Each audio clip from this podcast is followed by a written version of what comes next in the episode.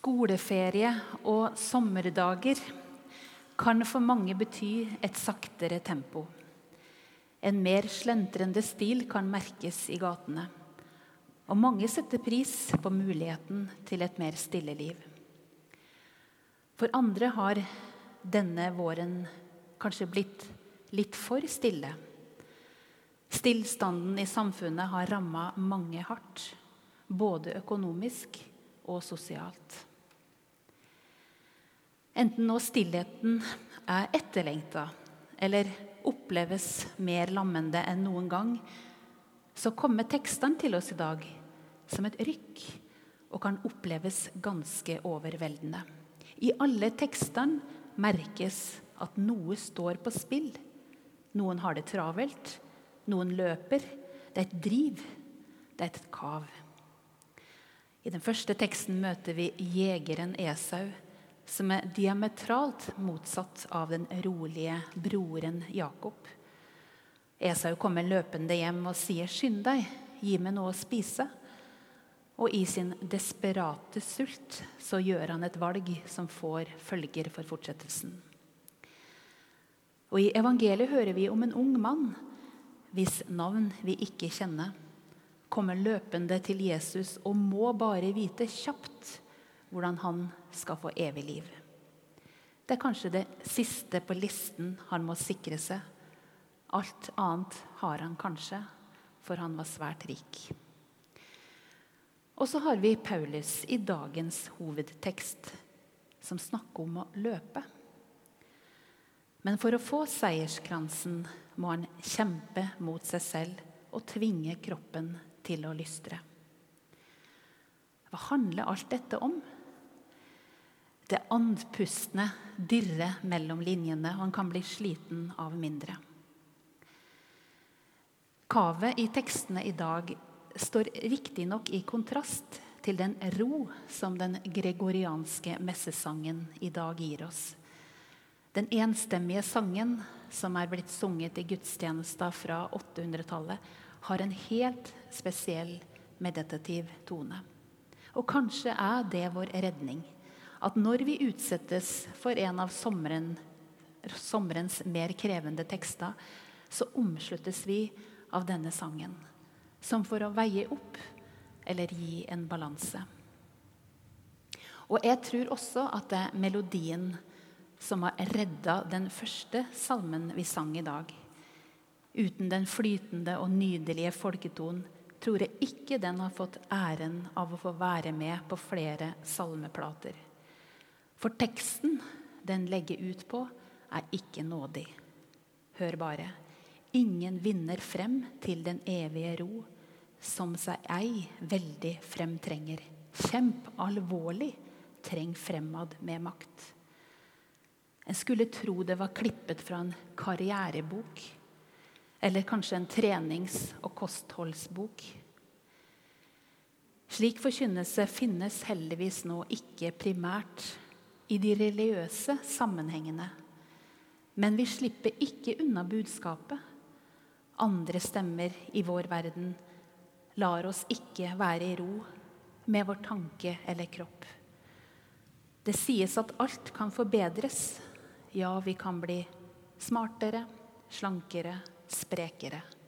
Og det koster. Hvilket løp er det egentlig vi legger ut på i dag?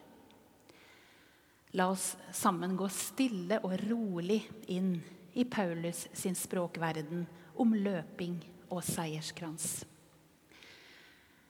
Når Paulus bruker idrettsmetaforen godt, så kan vi kanskje anslå at han har sittet på en gresk stadion noen ganger. Vi vet i alle fall at idrettstevlingens vugge er nettopp der hvor han ferda som forkynner. Det interessante er jo at Paulus nettopp sammenligner seg med en idrettsmann. Han var jo en stor forkynner, og hans mål i Korinterbrevet og i andre brev er å styrke troen og fellesskapet. Og Noen ganger er han ydmyk og sier at han ikke fortjener skryt eller lønn for dette. Mens andre ganger vil han gjerne formidle hvor mye krefter og innsats han legger ned i gjerningen sin. Og det er i den siste sjangeren vår tekst i dag hører hjemme. Han eh, er som en løper som gjør alt han kan for at andre skal få del i Guds gode gaver. Og han håper at det kan være til inspirasjon. Men så kan vi kanskje få inntrykk av at han tenker at han har fått seierskransen mange ganger. I alle fall når han legger ut på de mest selvskrytende passasjene. Men det interessante er også at han bruker begrepet seierskrans på en annen måte. Til menigheten i Tessaloniki så sier han ja, hvem er vel vårt håp, vår glede og vår seierskrans, om ikke dere? Og det samme sies i Filipperne. Der blir hans trossøsken også kalt seierskrans.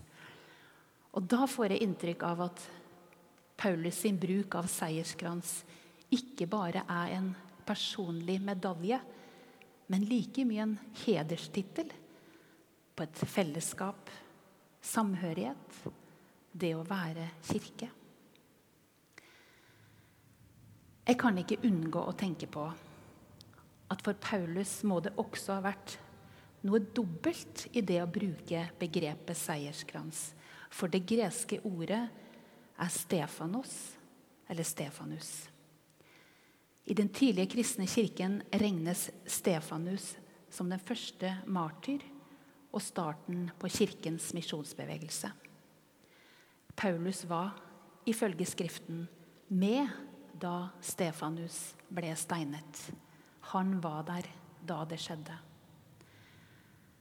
For Paulus blir da også seierskrans uløselig knytta til både lidelse, men også lidenskap.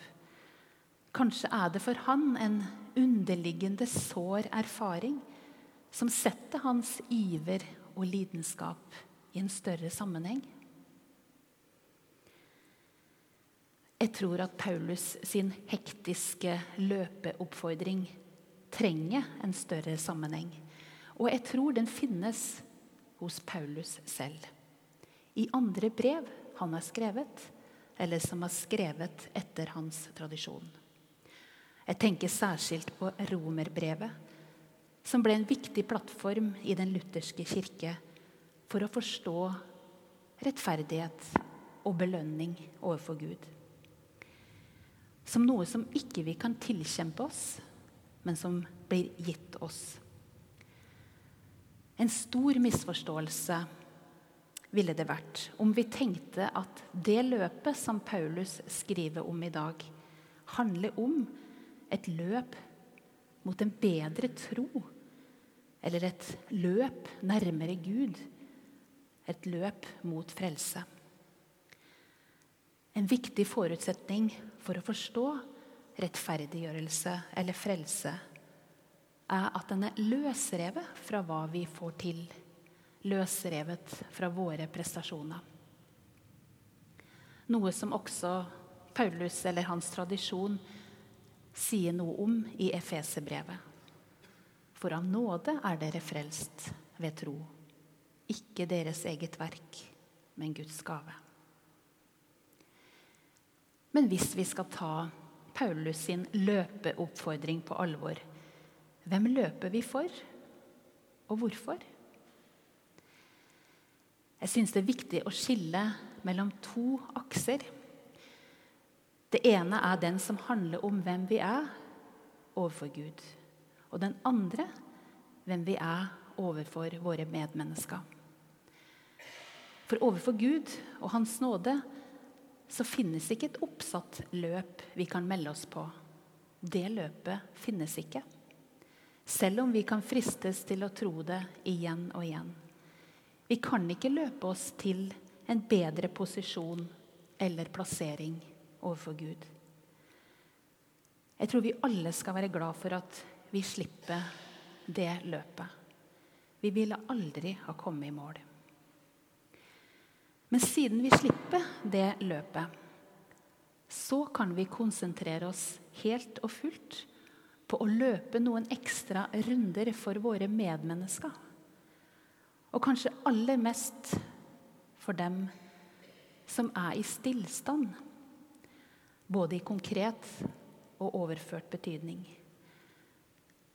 Mange mennesker i vår verden sitter innenfor flyktningeleirers gjerder og kan bare drømme om å ta en løpetur i parken, slik vi har sett mange gjøre denne våren. Mange sitter også i innegjerda og i stillstand på annet vis. Kanskje fordi ensomheten og isolasjonen denne våren har blitt for lammende. Det er mange som kan trenge vårt nærvær, vår iver, vår lidenskap, vår rettferdighetssans.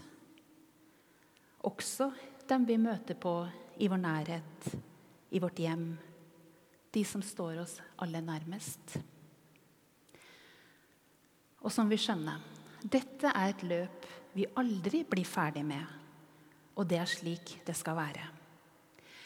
Men når vi blir andpustne, så må vi minne hverandre om at det finnes en ro og et hvile et sted.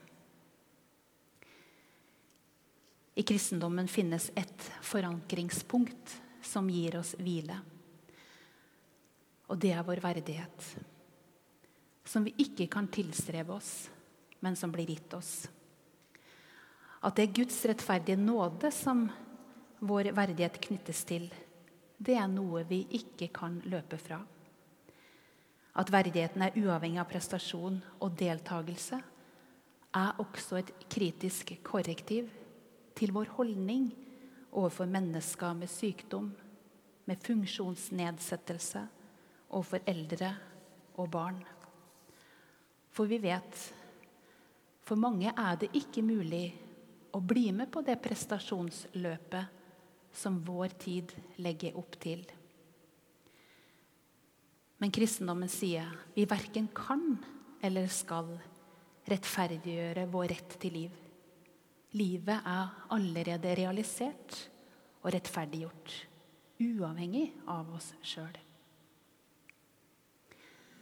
I dette står vi sammen, og derfor vinner vi seierskransen sammen. I alt og i alle ting er det Guds nåde som virker i oss. Alt er mulig for Gud.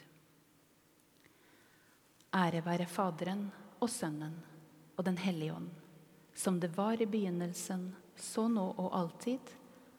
Amen.